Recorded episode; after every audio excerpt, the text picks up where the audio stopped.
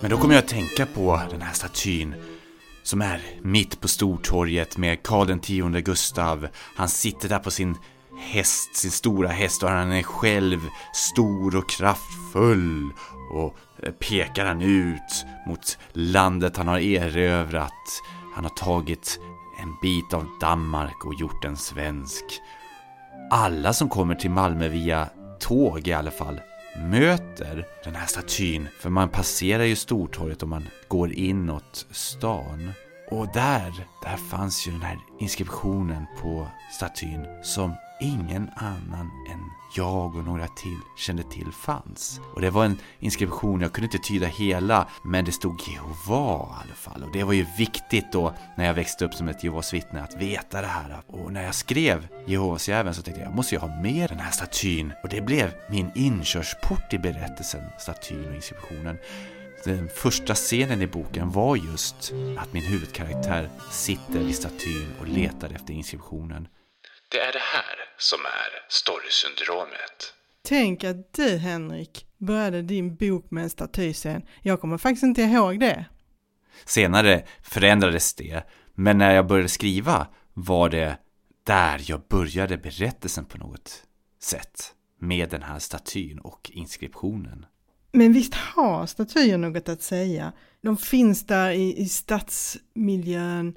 De kan vara stora och svulstiga, nästan skrika om uppmärksamheten. Som de här stora kungastatyerna. Eller så kan de vara små, nästan oansenliga och om man råkar stöta på dem när man är ute så är det nästan som man, man hittar ett speciellt fynd. ja, det får mig också tänka på en staty som ligger inte långt ifrån eh, statyn på Stortorget och det är en staty av Fransuel som är vid kanalen. Fransuel var ju han som ritade upp kanalen i Malmö. Och jag tyckte det var så roligt när jag var yngre och körde förbi den, eller gick förbi den rättare sagt, att det var väldigt ofta så att han hade fått en kon på huvudet. En sån här orange eh, kon som man har vid vägbyggen eller hade vid vägbyggen. Det gav ett helt, en helt ny staty som roade mig väldigt mycket i alla fall. Ja men folk interagerar med sin omgivning. Det, det, det ändå, de, är, de finns där, de är del av ens uppfattning. En del av det som, som på något sätt är med och påverkar oss, även om det är ganska mycket oftast bara stenbitar eller jag vet inte, mässing eller brons eller vad man gör statyer i, så är de, de är döda ting, men högst levande i alla fall. Och statyer har egentligen alltid genom tiderna varit ett talande ämne. Eh, från civilisationens början med avguda eller gudabilder som gjordes och restes och de förstördes av de som tyckte annorlunda men Ja, det var ju så viktigt så att eh, nästan hela Gamla Testamentet handlar om att förstöra andra nationers avgudabilder. Det gör vi ju fortfarande, välter och förstör statyer. För att de väcker så starka känslor hos oss. Och kanske, kanske ska de ha en egen plats i litteraturen också. Och någon som faktiskt använder sig av bland annat statyer i sitt skrivande är Malmöförfattaren Helene Ekeroth som nästa år släpper sin nya roman Den andra staden. Och Storysyndromet åkte ner till Malmö för att få en pratstund med henne om att använda sin hemstad i sitt skrivande. Och naturligtvis pratade vi även statyer. Just statyer är en sån där sak som triggar fantasin för att det finns så många olika slags statyer, både nya och gamla. Eh, och man tänker att, att de hade kunnat ha så mycket att berätta om de hade fått lov att berätta för att de ser saker hela tiden. Dygnet runt så bevakar de ju staden. Och hade man då haft en person som skulle faktiskt kunna kommunicera med statyerna så hade man kunnat få väldigt intressanta historier berättade för sig. Men då får det ju inte heller vara så kanske att alla kan prata med statyerna för då blir det ju allmängods, då blir det ju inget speciellt. Utan då måste det ju vara en person som har en förmåga, en specifik förmåga.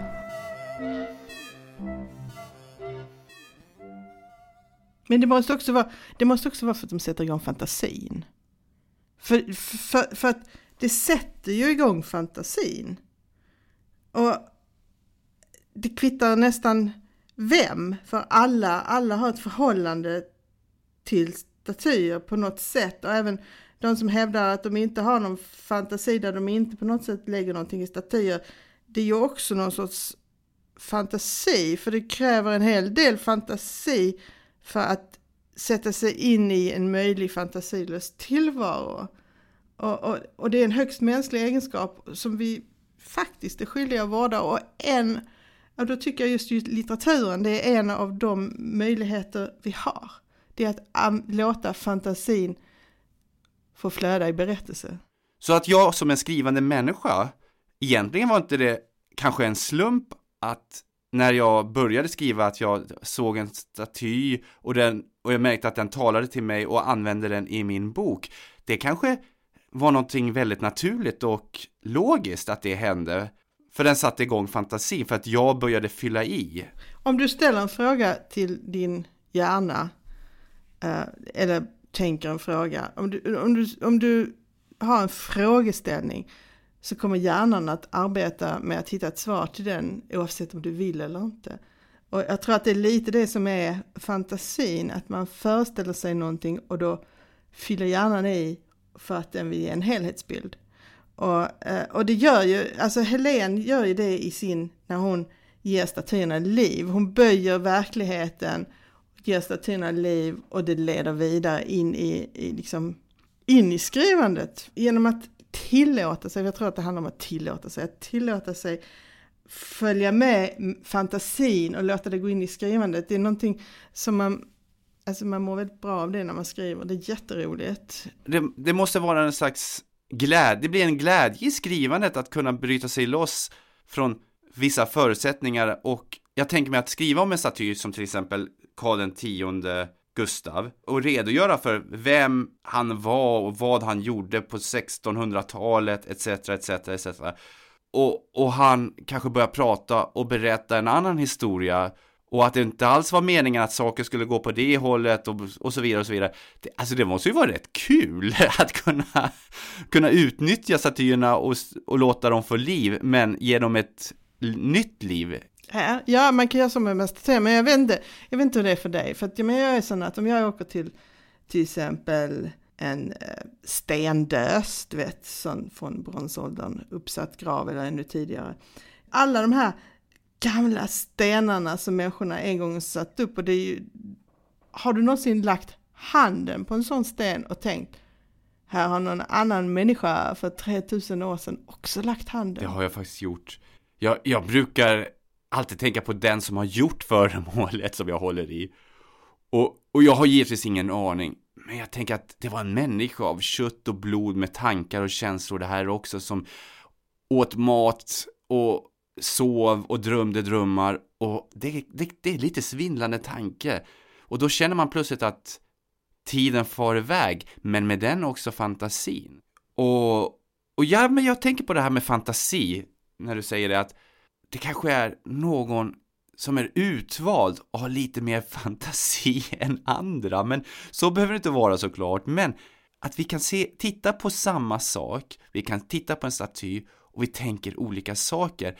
Men vad händer om statyn väljer dig för att berätta sin historia på sitt sätt? Det som Helene berättade där, att, att göra en karaktär i en berättelse utvald, det, det gör ju det hela mer spännande.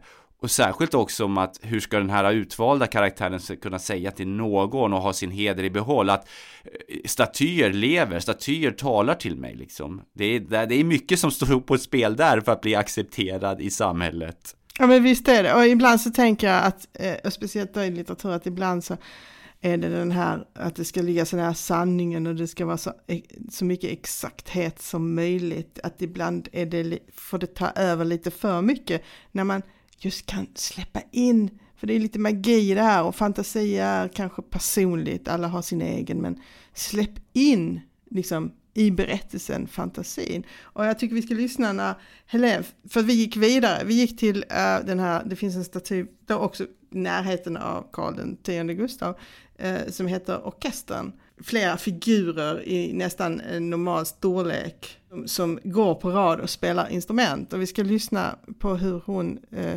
använder orkestern och några andra statyer i Malmö i sitt berättande. Den måste ju givetvis tala genom musik då. Eh, eftersom det faktiskt är en riktig orkester som går där på gågatan i Malmö och som alltid är tyst. Och det är ju då man ställer sig frågan när kan man höra orkestern spela och varför gör den det? Eh, det måste ju vara något väldigt speciellt tillfälle eller tillstånd som råder i staden Eh, när de börjar spela så att det hörs. Nere vid kanalen i, i Malmö så finns det ju stentrappor och med jättefina kattstatyer eh, i naturlig storlek och de är sådär liksom så du vill nästan gå fram och klappa, klappa på dem. Det är många barn som gör det. Eh, och jag kände att de där vill jag liksom ha med min berättelse. Sen är ju katter alltid lite speciella. Det är ju ett sånt djur du kanske ganska ofta använder inom fantastiken. Ehm, men mina katter är väl liksom eh, stans eh, sladdertackor.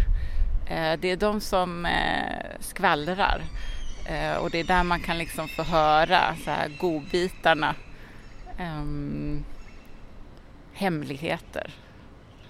Jag vet ju en sak och det, kyrkogårdar är ju så här klassiskt liksom oavsett om du skriver skräck eller fantasy. Um, så är det ju många författare som väljer att använda sig av kyrkogårdar på olika sätt och, och det gör jag också, det ska jag ju erkänna. Um, jag är ju fascinerad av kyrkogårdar som så många andra. Um, och uh, grejen är ju att det finns ju statyer på kyrkogårdar också. Så att jag har ju liksom ingången där och um, på gamla kyrkogården i Malmö så finns det ju väldigt många gamla påkostade gravar med mycket utsmyckningar. Och på en av de här så är det en, en ängel, en staty av en ängel som ser ut som hon, hon liksom blickar upp i skyn och ser ut som att hon eh, nästan ber till någon högre makt eh, på en av gravarna. Eh, en väldigt vacker staty och när jag såg den så kände jag att den, det är någonting speciellt med den och den vill jag använda.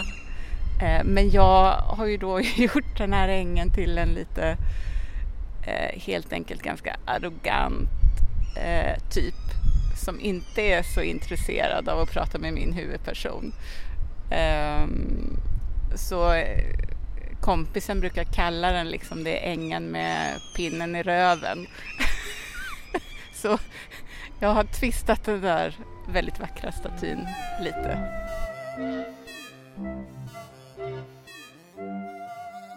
Och jag, jag tycker att det som ju, eh, Helene gör så ro, roligt här, det är ju att hon tar en ängel som sitter där på en gravsten eller står och är pryd. Plötsligt blir någonting helt annat i hennes berättelse. Och att vi har de här olika fasaderna ju till mans, där vi kan vara både det ena och andra beroende på vem vi pratar med. Men det blir ju extra roligt här med den här Satyn tycker jag, att där, där visar hon verkligen att hon använder sin fantasi och skruvar till det hela. Ja, men jag tycker det här med att böja och skruva till och böja verkligheten. Alltså det är väldigt, det är väldigt effektivt om man vill belysa någonting eh, speciellt. För det är som man sätter en strålkastare på något och så skruvar man till det och sen så får det en betydelse i berättandet som kanske annars liksom kräver någonting helt annat för att beskriva. Och man kan utnyttja de här möjligheterna. Och man kan ändra på verkligheten, man kan, man kan tvista om det liksom och röra till det. Och om man då också samtidigt vill ha exakthet så kan man låta, absolut det handlar inte om att man ska liksom gränslöst slarva och ställa till hela storyupplägget utan det handlar om att utnyttja det på ett sätt för berättelsens godo. Det, det du pratar om här känns ju som skrivglädje. Absolut. Ren och skär skrivglädje. Absolut. Att ha roligt när man själv skriver. Och, och, och man hoppas ju också då att, att den som sen läser det har precis lika roligt. Men det är också att skapa en historia som att man ger premissen för, för, för sin historia genom att tänka sig bortom det kanske exakta och Eller hur? Och jag tycker inte man ska vara rädd att använda den här möjligheten även i litteratur där man kanske inte förväntar sig det, där man inte förväntar sig magi eller fantasi. Men man ska inte vara rädd för det. Och jag vet att jag till exempel läste en deckare, en fransk deckare av Anne Rambach som heter Bombyx och som utspelar sig i Paris. Och den är full av beskrivningar av staden, av, av ställen, nattklubbar, museer, tunnelbanestationer, av konst, av mode. Och i den här finns en beskrivning av en kyrka som heter Eiffelkyrkan. Och så här står det. Kyrkan beställdes år 1911 av Paris ärkestift och var ett nyskapande försök att sammanföra religionen och vetenskapen. En metallstruktur med enorma skruvar håller upp fasaden med ett rosettfönster vars motiv saknar motsvarighet. Mot en grå bakgrund sträcker Jesus ut sig omgiven av en mängd olika fortskaffningsmedel. En luftballong, ett lokomotiv, en automobil, en ubåt och till och med ett biplan.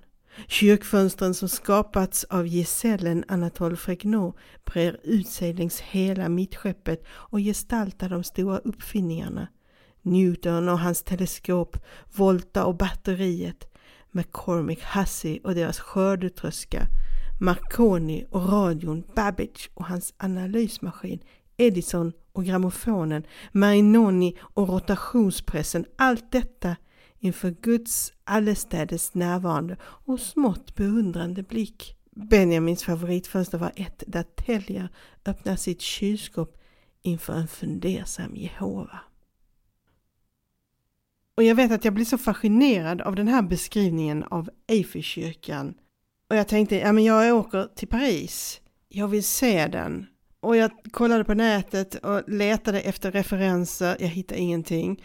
Jag använde Google Street View, jag gick omkring på gatan där den ligger i centrala Paris, på Rue de Petit Musque, enligt boken alltså. Det står i boken att huvudpersonen hon sitter inne i kyrkan och tittar ut genom rosettfönstret och ser nummer 16 på samma gata. Jag, jag kollade där i Street View, uppe längs fasaden och letade rosettfönster, fanns inget. Och till slut hittade jag ett forum där andra också letade efter kyrkan som hade kommit fram till att nej, den finns nog inte. Och jag vet faktiskt än idag inte om kyrkan finns, men det verkar som den var påhittad och instoppad i den här deckaren. Och jag tyckte det var så fantastiskt att man kan göra något sånt med en roman. Ja, det här får mig att tänka på en bok som jag precis precis har läst ut, Hjärtlinjer av eh, Britt Bennett, som är fantastiskt bra. Och den tar sin avstamp ur den här staden, där huvudpersonerna eh, växer upp, som är till synes en vit stad, om man kan säga så. Alla är vita, men ingen i den här staden identifierar sig som vit, utan som afroamerikan, som svart. Och, och det är för att de har med tiden blivit vita för att smälta in i USAs samhälle. Det jag tycker är så intressant med det här, det är att den här staden, jag har ingen aning om, har den funnits på riktigt, en sån stad?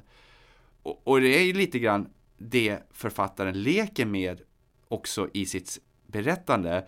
För att ingen i boken har hört talas om staden. Den finns inte ens med i en kartbok. Utan den är liksom en, en vit fläck i geografin.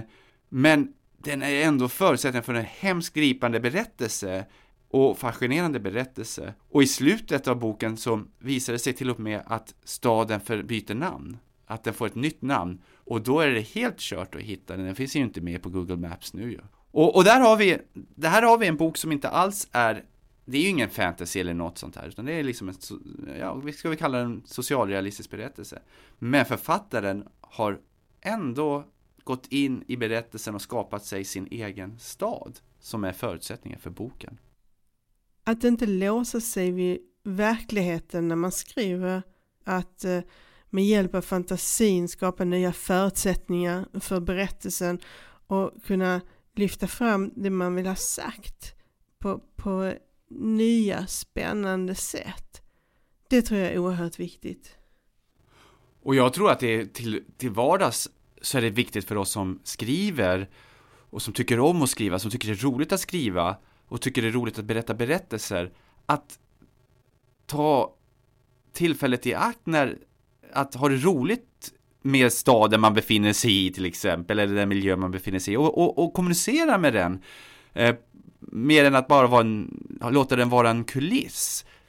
Och, och, och, det kan vara liksom att prata med statyn. Man behöver kanske inte gå fram och prata som en, ja.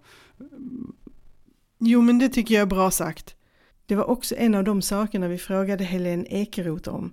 Hur är det att skriva om den miljö man befinner sig i? Hur letar man idéer? Var kommer inspirationen ifrån? Och om man då verkligen använder sin hemstad, hur påverkar det en? För det är väl just det som du gör, eller hur Helene? Precis, det är ju Malmö och det är ju helt fantastiskt tycker jag. Jag har lite gått och drömt om att få använda Malmö en berättelse jättelänge. Eh, men inte kunnat det eftersom jag har skrivit mina drakböcker då som är en helt eh, påhittad värld. Eh, och den här lyxen att jag nu kan gå runt i en stad där min berättelse utspelar sig gör ju också att jag kan gå runt på samma gator som mina karaktärer går. Jag kan fotografera saker som, att jag, som jag vill använda och kan beskriva. Um, och samtidigt så är ju då de två Malmö som jag skapar i min berättelse, för det är två parallella världar, inget av dem är likt eh, till fullo då eh, det Malmö som vi är i. Så det kräver ju ändå att jag också bestämmer mig för vad är det som skiljer sig och vad är det jag ska använda som eh, man kan säga att det fysiska Malmö använder jag i hög utsträckning, precis som det ser ut. Men det är ju andra saker som gör att staden eh, beter sig på ett annorlunda sätt i min berättelse.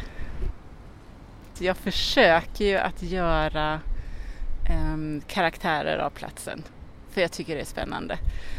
Och i det Malmö där magin flödar i sån stor utsträckning så att den faktiskt skapar en opolitlig karaktär i staden, det vill säga att staden kan förändra sig. Det gör ju att eh, den känns liksom, jag vill få den att kännas levande helt enkelt. Att staden i sig känns levande.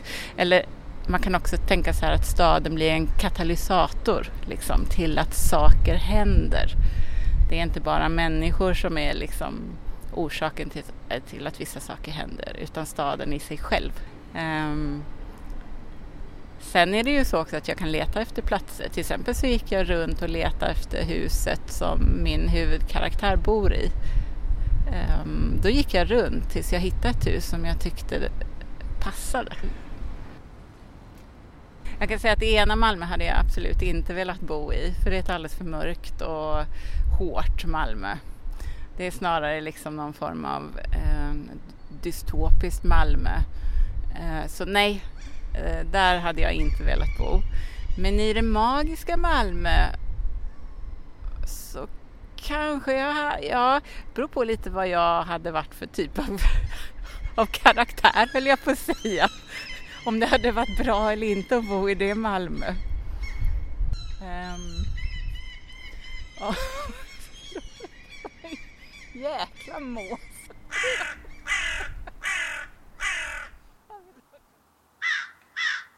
Du har lyssnat på Storysyndromet med författarna Kristina Hård och Henrik Pettersson. Podden som inte kan låta bli att leta berättelser och hitta idéer. Vi finns på storysyndromet.se.